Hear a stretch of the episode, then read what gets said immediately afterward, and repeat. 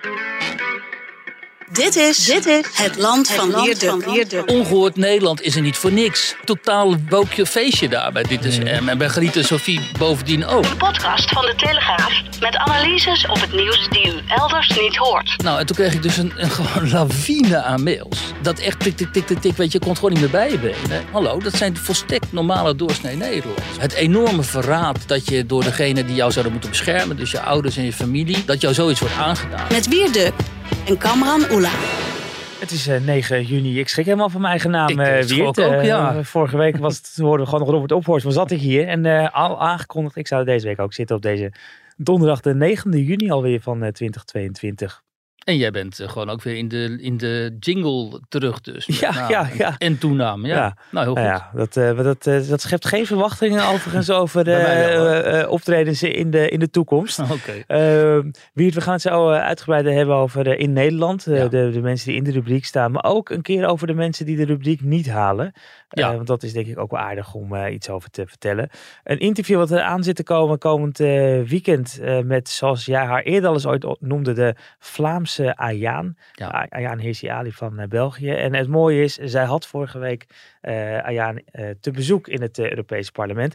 Maar laten we eens beginnen met... eh, Ongehoord Nederland. Ja. Dat was natuurlijk deze week wel in het nieuws. De ombudsman van de NPO is met een rapport uitgekomen.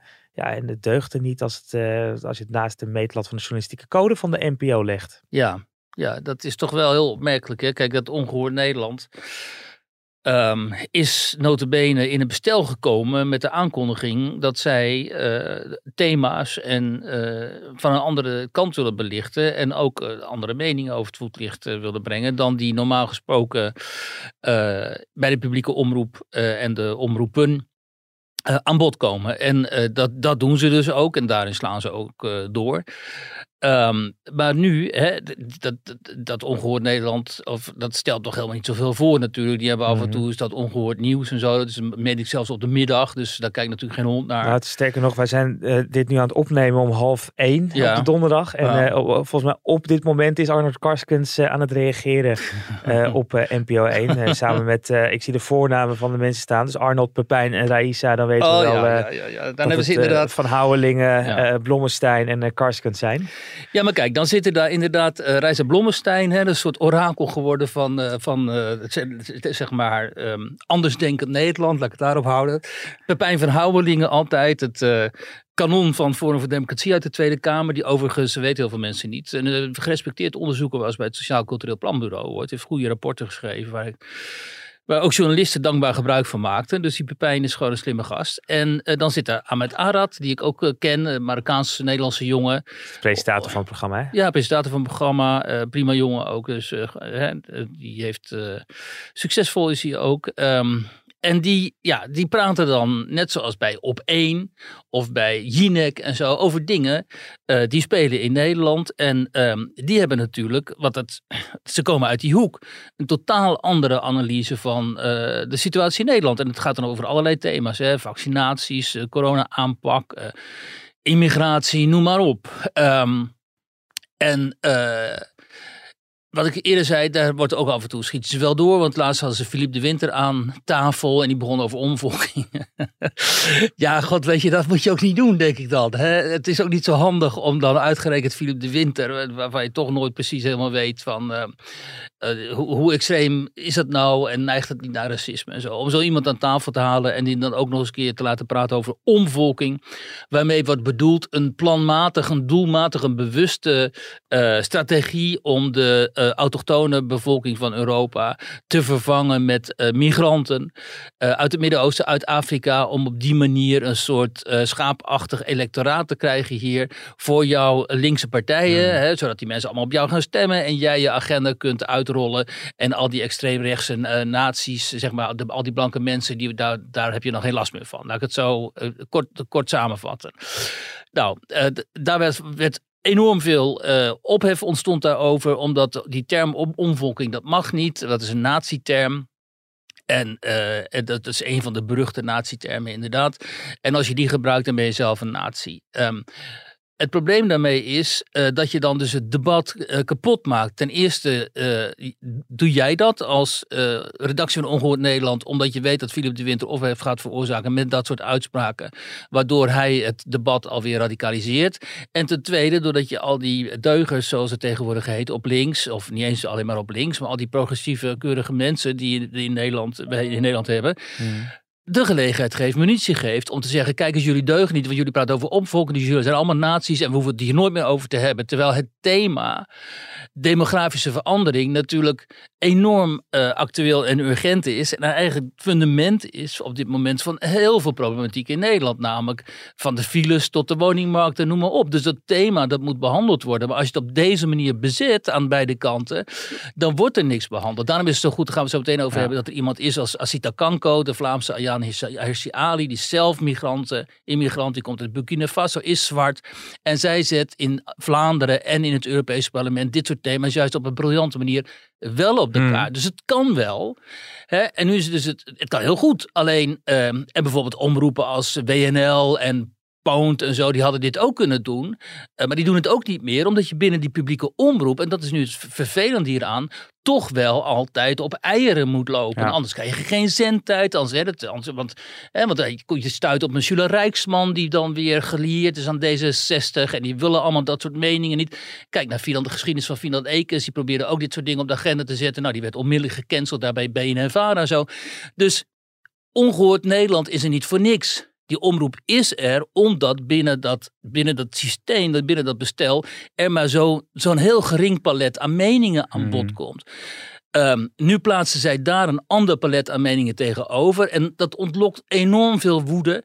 ik las onder andere een commentaar nu in de Volkskrant van uh, hoofdredacteur Pieter Klok. Die gewoon uh, openlijk zegt dat ongehoord Nederland eigenlijk verboden moet worden. Omdat daar extreemrechtse meningen uh, worden gepropageerd. Nou, dat is natuurlijk gewoon. Dit is een oproep tot censuur. Hè?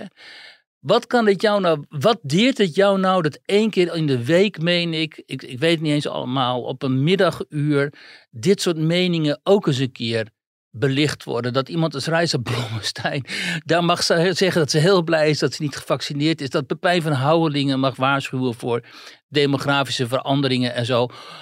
En ik zeg dat omdat bijvoorbeeld aan de reguliere talkshowstafels, herinner ik mij, zat bijvoorbeeld ooit een oud hoofdcommissaris van politie die gewoon letterlijk zei van dat wilde ze omgeknald moest worden. Hè? In wezen zou je de neiging hebben om te zeggen, nou, we mollen hem. Hè? Hij moet gewoon vandaag weg en hij mag niet meer boven tafel komen. Dat, zou, dat is een normale reactie. Maar feitelijk zijn er dus negen zetels voor. En dat is hoeveel duizenden mensen hier in Nederland denken dus. 540.000 mensen. Nou oké. Dat is dus wel het probleem waar het om gaat. Dat zijn er dus nog duizenden die op een of andere manier niet in deze wereld van een nieuwe samenleving, die we met elkaar aan het maken zijn, die daarin passen. Waarvan je eigenlijk zou moeten zeggen, die mensen moeten dit land uit gewoon. Die horen hier dus niet meer thuis. En daar zaten onder andere Diederik Samson aan tafel. Maar, maar, maar wie het hem toch even, hè? dus jij geeft nu het voorbeeld van, bij alle talkshows worden ook, worden ook dingen gezegd die, die, niet kunnen. Of eenzijdig, het voorbeeld van uh, Dit is M uh, kwam ook uh, afgelopen dagen vaker uh, terug. Margriet van der Linden mochten ook eenzijdig mensen een verhaal doen. Dat is en... totaal woke feestje daar bij Dit is M. En bij Griet en Sofie bovendien ook. En dan mogen maar de hele tijd gezegd worden dat alle blanke Nederlandse ongeveer racistisch zijn. Maar zo, het, noem maar op. Het, het, punt wat uh, Margot Smit, de, de NPO-ombudsman, maakt, is uh, als journalist, als de, de interviewer, moet je voorbereid zijn. Ja. En op het moment dat inderdaad Philip de Winter over omvolking begint, dan moet je er wel tegen inbrengen van dat dat, dat, dat niet kan. Ja, natuurlijk. Je moet zeggen en, van en luisteren. niet gewoon schaapachtig zitten luisteren en, en meeknikken en, uh, en het is allemaal uh, oké. Nee, en dat was leuk geweest juist en goed geweest als dan bij Ongehoord Nederland juist nu presentatoren hadden gezeten. Die hadden gezegd, luister eens Filip, je weet dat jij hier zo'n natieterm gebruikt en dat doe je bewust. Daarmee maak je een inhoudelijk debat moeilijk of je problematiseert het of je, of je maakt het bijkans onmogelijk.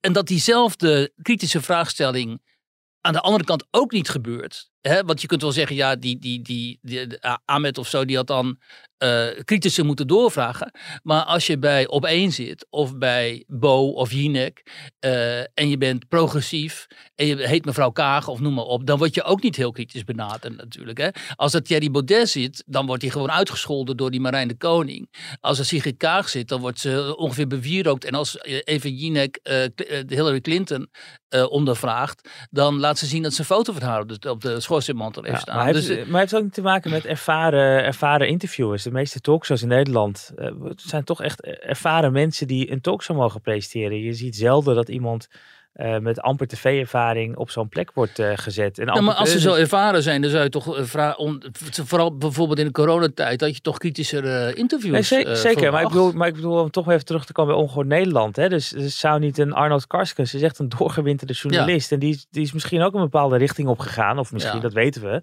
Um, maar moet hij dan niet zelf gaan zitten? Ik, ik, ik, ik zat te denken aan het, het fenomeen jonge omroepen. Toen uh, Omroep Max begon, Jan Slachter presenteerde heel veel programma's gewoon zelf. Want hij was de uh, ervaren man.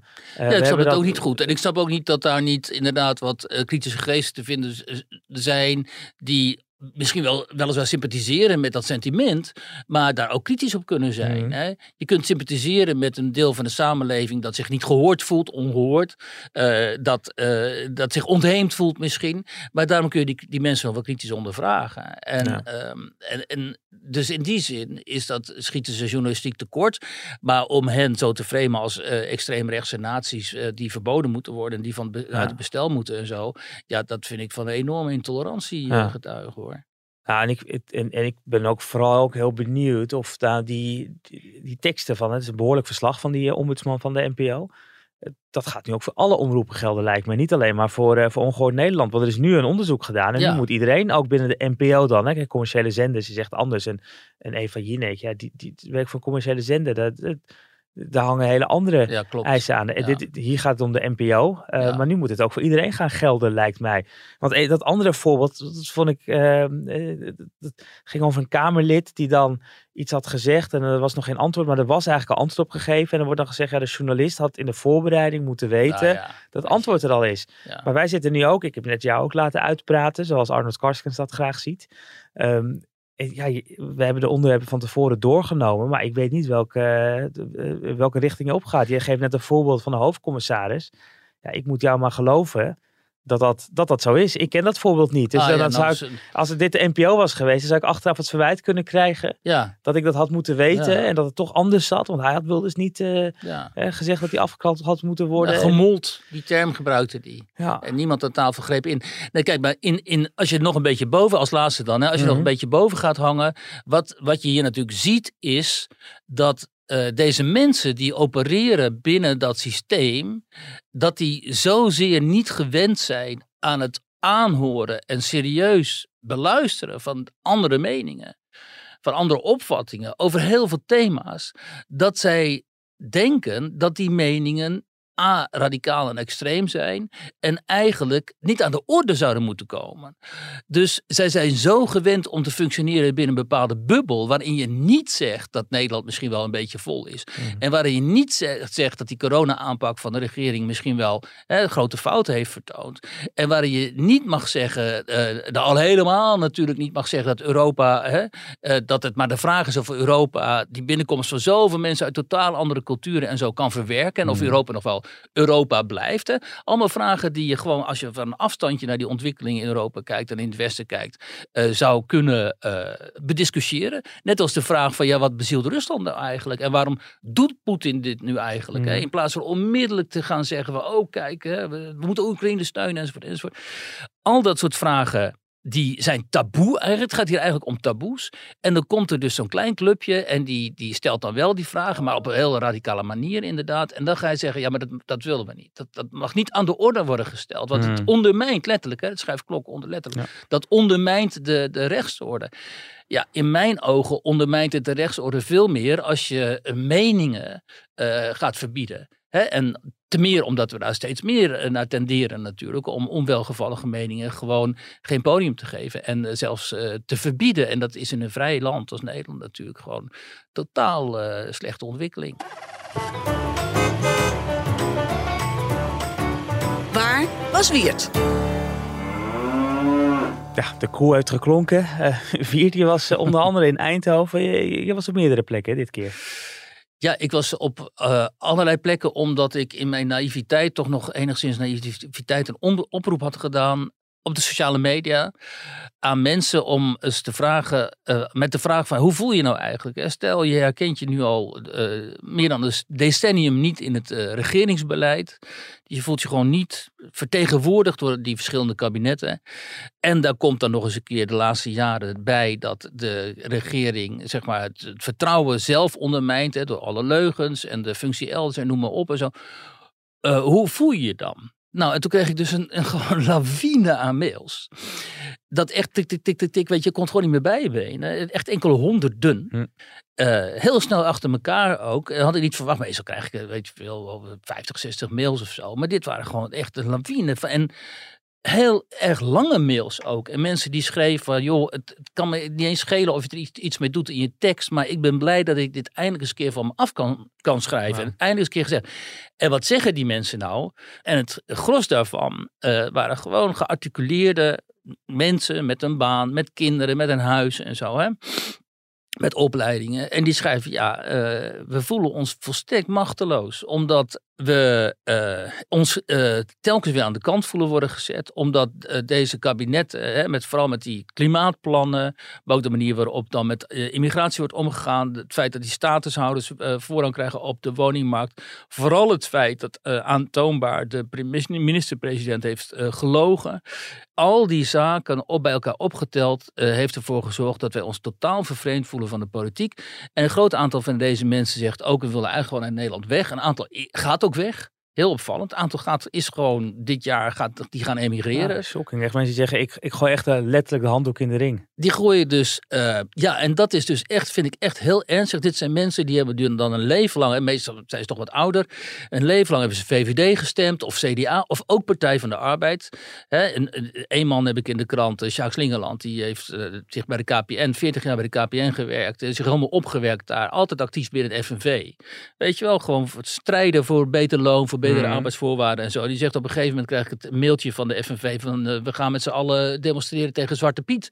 Ja, toen zei toen was het over. Weet je, dan kap ik er gewoon mee. Want hoezo hou, hou je niet bezig met de verschrikkelijke pensioenwet, maar wel moeten we op, opeens tegen racisme gaan uh, protesteren. He, niet dat hij racist is, helemaal niet. Maar hij zegt daar is de vakbond niet voor. En die verwokisering ook van uh, al dat soort instituten, zo ook als de vakbonden en de politieke partijen.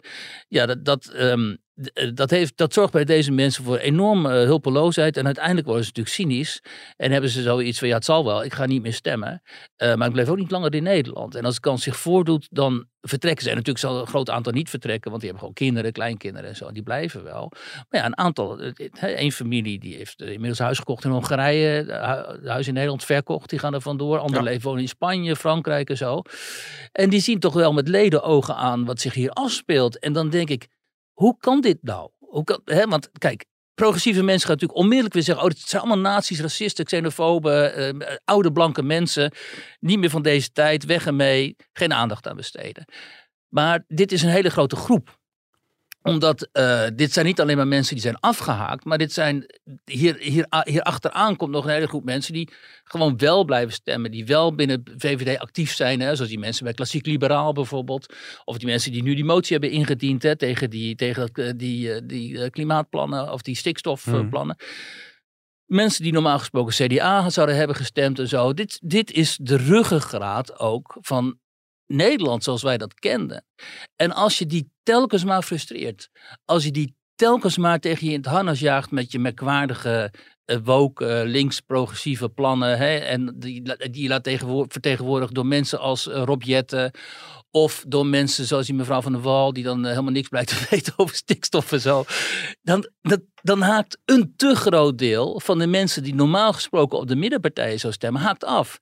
En dan ben jij zelf bezig, vind ik, althans in mijn ogen, als kabinet en als instituties en ook voor een deel als media natuurlijk, hè, ben je zelf bezig om die rechtsstaat te ondermijnen. Vervolgens gaan deze mensen worden boos. Of hè, die mensen die ik dan gesproken heb, die worden boos of die worden uh, verdrietig en die gaan protesteren en, enzovoort enzovoort. En dan gaan dan krijgen ze vanuit die andere hoek, te, vanuit de macht zeg maar, te horen, vanuit de gevestigde orde van... Um, ja, jullie ondermijnen de rechtsstaat. Maar dat is natuurlijk niet zo. Het begint, het begint op het moment dat deze mensen gewoon in geen enkel opzicht meer zich uh, vertegenwoordigd voelen. En um, dit sluit natuurlijk heel goed aan bij die uh, atlas van de afgehaakte van Josse de Voogd en uh, René Cuperus. Die, dat is echt de statistiek van de eeuw, vind ik. Die eens hebben gekeken toen van wie zijn nou de mensen die uh, zich tevreden voelen met hun eigen leven en die, zich en die tevreden zijn met de ontwikkeling van Nederland. Nou, die mensen stemmen dus, dat zijn dus de mensen die op VVD en D66 stemmen nog. En dat is best een grote groep nog. Maar die verkeert dus in het spectrum op de, uh, in de grafiek helemaal rechtsbovenin. Dus dat is een uitzonderingsgroep. Dat is niet de, de middengroep meer, wat, wat je zou verwachten. Maar die, zitten, die zijn eigenlijk totaal afgehaakt van wat het midden is. Alleen dat weten ze niet, omdat ze toch relatief een grote groep vormen en alleen nog met elkaar omgaan. Hè? Je mhm. kent het wel, de hoogopgeleide, maar dat zijn ook de hoogopgeleide ambtenaren in een middelgrote stad. Het zijn ook de hoogopgeleide uh, uh, schooldirecteuren en zo, met een salaris van een ton of meer en zo. Die, hè? En die kijken met een soort dédain naar deze mensen, als ze al naar deze mensen kijken. Of ze kijken met verbazing naar deze mensen en zeggen, wat, wat zul je nou? Je hebt toch een huis en je hebt toch een pensioen en zo. En en die kunnen dus ook helemaal niet voorstellen dat mensen die een huis hebben en kinderen en een pensioen en zo, dat die zich zorgen maken over de ontwikkeling van Nederland. En dat die zich ook vooral cultureel zorgen maken over de identiteit van Nederland, over de heersende dominante cultuur van Nederland. Hen, hen maakt het niet uit in die bubbel waarin ze zitten. Of ze komen niet mee in aanmerking, of het kan ze gewoon niet schelen, weet je wel. Want dat zijn dus de, hmm. de, anywheres ook, hè. die zijn overal ter wereld, voelen die, die zich prima.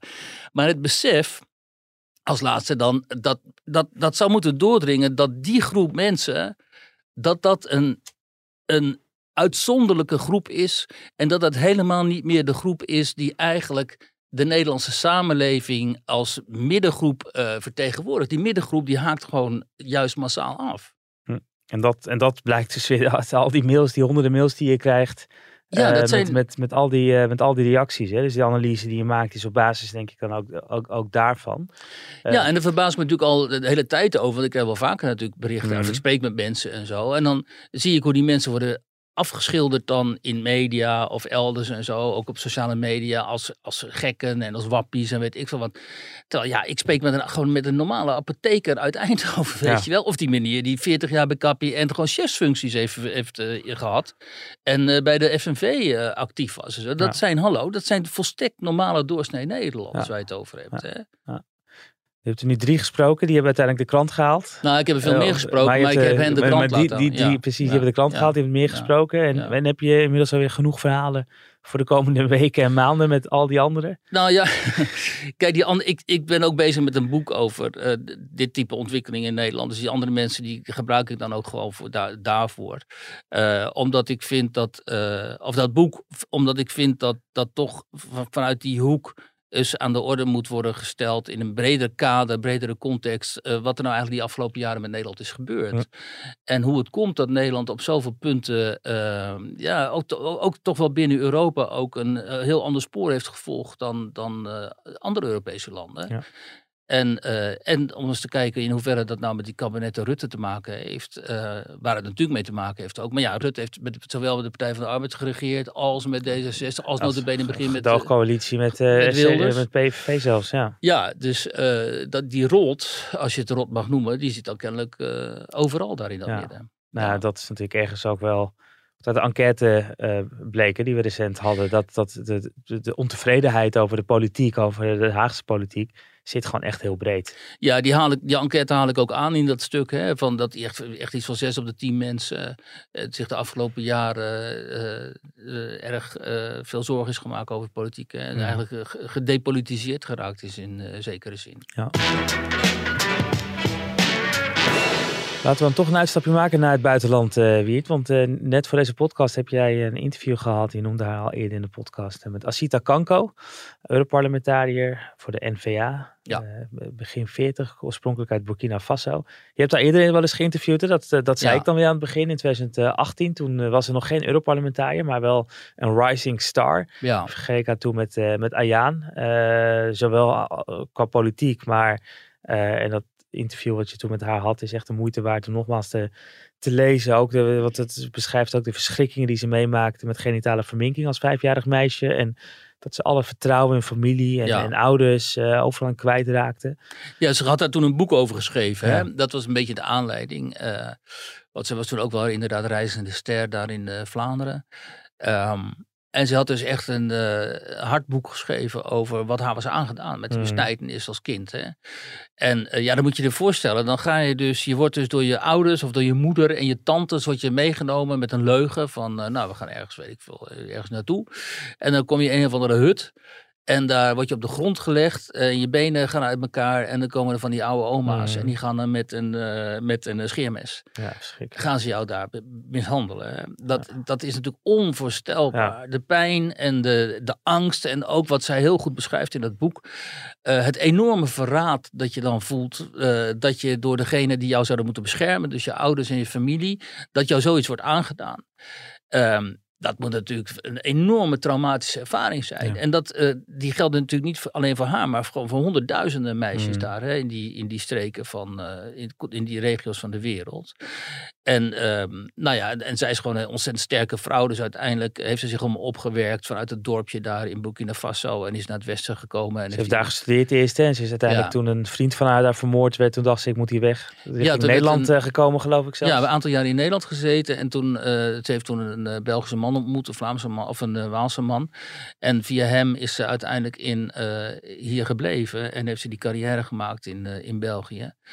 Um, maar inderdaad, omdat dus, ze deed dus journalistiek en toen werd die, haar mentor eigenlijk, die werd daar vermoord mm -hmm. hè, in Burkina Faso. Ja.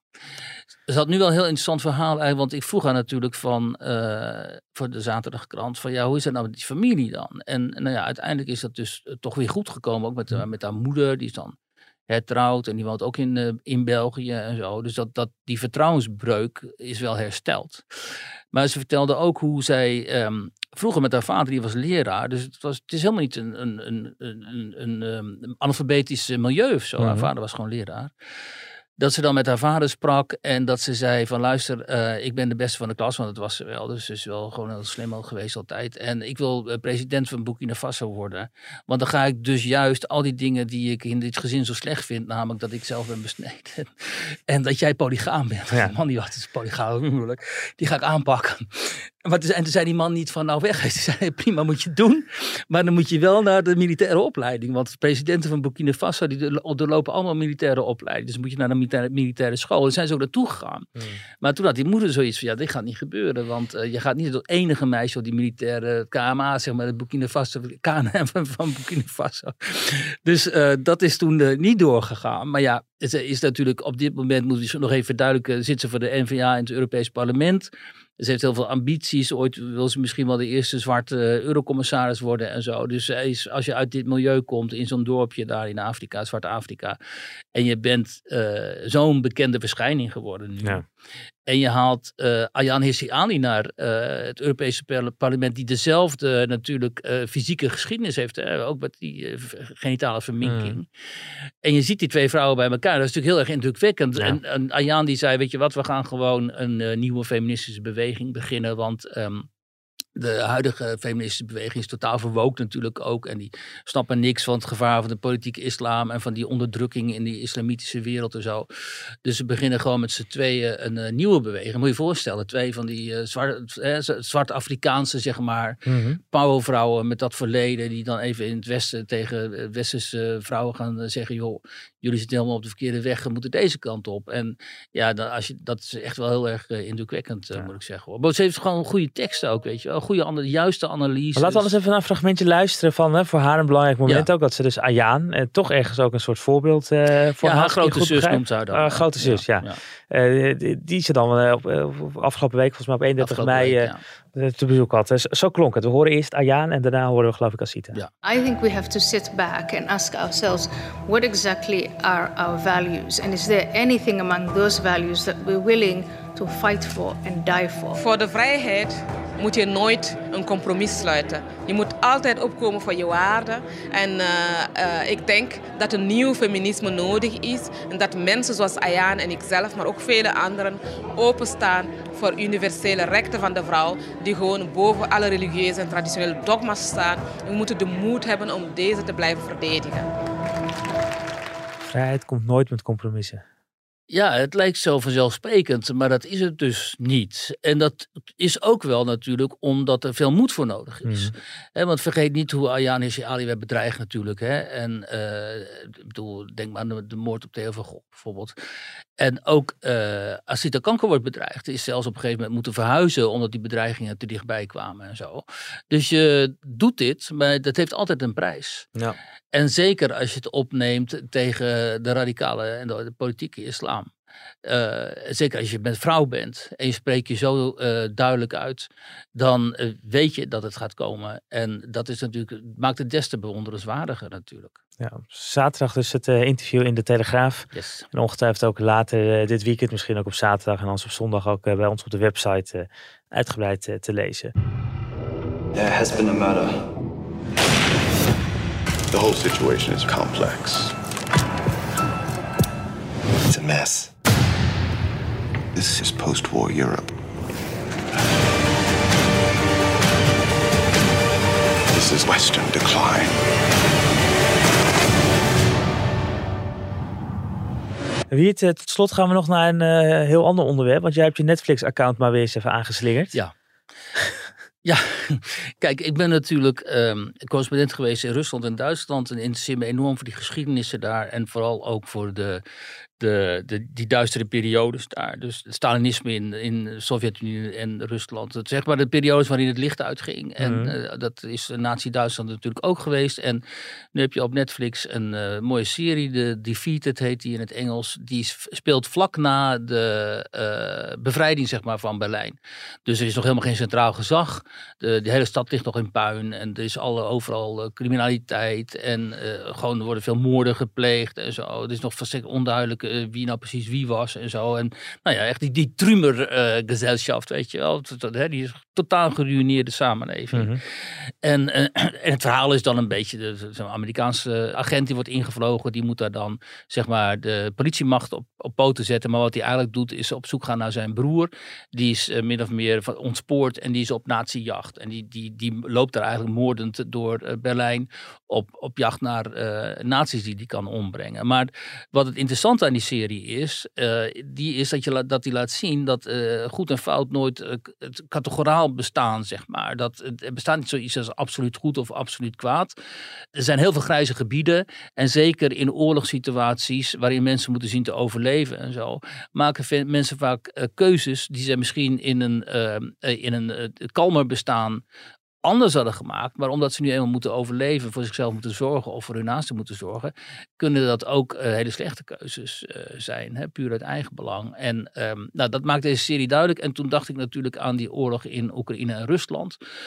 Een collega van ons, Koen de Jong, die had heel goed stuk geschreven op de website van uh, Sivinia Winius Week over juist de, het merkwaardige fenomeen dat de Oekraïense positie zozeer door uh, westers links en ook woke links eigenlijk wordt uh, verdedigd, maar op een hele gemilitariseerde manier. Kijk, je kunt natuurlijk, iedereen heeft sympathie natuurlijk met Oekraïne en met Zelensky, uh, heldhaftige president. En Rusland is dat land binnengevallen op een hele brute en verschrikkelijke manier en mhm. zo.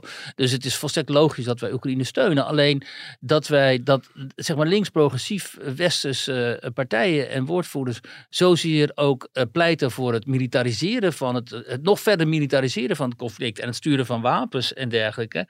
Omdat zij, uh, en dat zij uh, Oekraïne afschilderen als het absoluut goede. En uh, Poetin en Rusland het absoluut kwade op dit moment zijn. En nou ja, de Russen doen ook heel goed hun best om dat te vertegenwoordigen, moet ik zeggen. maar dat compliceert zo enorm het denken en het debat hierover. Omdat uiteindelijk, en dat vind ik ook, uiteindelijk moet je toch een diplomatieke oplossing gaan vinden. Anders moet je vechten tot de laatste man. En dan is er op, op een gegeven moment geen Oekraïne meer. En dan moet ook half Rusland in puin worden geschoten met onze lange afstandsraketten. Anders, anders gaat, gaat niet gebeuren, een uh, militaire overwinning. En Koen Verbaas, nou, die analyseert het ook heel goed. Uh, die positie van, in Nederland de is D66 en zo, hè, uh, die komt natuurlijk voort vanuit dat moralistische denken. Zo van, er is een soort absoluut goede en we strijden tegen het kwaad en zo. Um, En dat is natuurlijk in de, in de werkelijkheid helemaal niet uh, aan de orde. Je speelt allemaal belangen. Je hmm. speelt ook een Amerikaans belang al heel lang. Om Oekraïne los te weken uit de invloedssfeer van, van Rusland. Weet je wel. Dat is gewoon een heel duidelijk strategisch belang van de Verenigde Staten. En dat zijn allemaal dingen die uh, daar komen we terug waar we mee begonnen. Dat soort dingen, dat moeten allemaal benoemd worden. Kijk, als wij, iemand als Rob de Wijk bijvoorbeeld, die, die, die trouwens niet eens zou zeggen, want daar is het de Atlantisch gezind voor. Uh, niet eens zou zeggen, denk ik, dat de Verenigde Staten hier een belangrijke rol in hebben gespeeld. Omdat ze Oekraïne proberen los te weken. Maar die wel zal zeggen van jongens, of die wel zegt, oh, hou ze op met dat um, geroep om uh, het vernederen van Poetin en uh, het proberen om de Oekraïne deze oorlog te laten winnen militair, want het gaat niet gebeuren. Die wordt al vanuit zeg maar die linkse wokenhoek in, uh, als uh, Poetin-versteer en mm. Poetin-lover uh, neergezet. Alleen maar omdat hij deze analyse maakt. Maar als je tegenwoordig de analyse maakt die links vroeger maakte van jongens, ook de Verenigde Staten spelen hier een rol. En het is de vraag of Europa nou per se achter het standpunt aan moet gaan rennen. Het is de vraag of dat zo verstandig is voor ons, Europeanen. Want wij krijgen last van die oorlog. Mhm. Veel meer dan de Amerikaanse bevolking dat krijgt. Uh, die analyse wordt bij, hoor, krijg je bijna niet meer te horen. En dat is juist, uh, dat is ook, en dat is, kijk, het is nou een goed voorbeeld van hoe dat palet aan meningen ook bij die talkshows beperkt is. Want als je dit zegt, dan kom je daar niet meer aan tafel. Nee. Want dan vinden, mensen, dan vinden die redacties, of ze snappen het niet, meestal snappen ze het niet. Of ze vinden het uh, te provocerend, of ze denken, ja, het is te ingewikkeld, gaan de kijkers niet snappen. Weet je wel? Ja, dan heb je het natuurlijk wel echt over een, een, een beetje die, die populaire talks heb je dan over. Want uh, jij zit zelf bij Vandaag Insight uh, een enige regelmaat. Uh, en gelukkig is het medialandschap breder tegenwoordig. We hebben deze podcast. we hebben geloof ik een, wel te, een flink palet laten horen ook in, in, wel eens in de krant. En andere kranten lees je soms dan weer net andere invalshoeken. Uh, alleen, wat, wat, jij, waar jij op doelt. En, en, en ook die publieke omroep die, waar we het eerder over hadden. Ja, ja, ja, ja, vandaar, zeker, ja. ja, het is even goed om dat nog expliciet te benoemen. Want je zei, de cirkel is weer rond, maar dan het ging hier echt om die, uh, hoe dan uh, de populaire mening bij de NPO uh, nou ja, kijk, en het, horen in te zien is. Kijk, en in dit geval Oekraïne, kijk, ongehoord Nederland zal dit wel aan bod laten komen. Maar dan, dan huren ze weer iemand van Forum voor Democratie in, die dan heel hard op Amerika en de NAVO gaat uh, inhakken en zo. wat ook weer heel dom is, want Amerika is gewoon, hoe dan ook, onze bondgenoot. En de NAVO is gewoon heel belangrijk voor onze militaire bescherming. Maar je mag hem wel bekritiseren. Alleen je moet dan niet gaan uh, zeggen dat er een of ander complot gaande is dat gesteund wordt door de NAVO, weet je wel. En dat is zo ontstellend vermoeiend in Nederland, dat, uh, dat, dat die totale radicalisering van het debat, waardoor uh, dit soort interessante in mijn ogen en volstrekt legitieme en genuanceerde analyses niet meer op dat soort podia uh, aan het uh, bod, aan bod kunnen komen. Ja. ja. Ja. Maar dan moet je naar de nieuwe wereld bijvoorbeeld van Ad Verbrugge. Daar kunnen mensen een uur lang uh, dit soort thema's behandelen. En dat is wel wel interessant. Maar ja, goed, dat is op YouTube. Hè. Ja, vind YouTube, zoals mijn zoontje zegt. Ander, ander platform weer. Uh, volgens mij is dat ook de juiste benaming, toch? YouTube. YouTube. Uh. Ja. Hij corrigeert me als ik YouTube zeg. Eh, YouTube. uh, we zijn denk ik weer beetje door de onderwerpen zo heen, heen gevlogen. Hè? nee, jij weer bedankt en alle luisteraars bedankt. Tips, ideeën zijn altijd allemaal welkom. Ook voor verhalen voor in Nederland. Dat hoorde net. Er komen een paar honderd misschien wel binnen, maar dat maakt niet uit. Ja, al die mensen moet ik ook bedanken. Hè. Die nemen toch de moeite om in de pen te klimmen. En het is soms ook niet eens tijd om ze echt uitvoerig te beantwoorden. Dus bij deze heel veel dank daarvoor. Volgende week op deze tour Robert Ophorst. Helemaal fris, fruitig, bruin gekleurd denk ik na die paar weken vakantie. en hopelijk bent u er dan ook weer bij.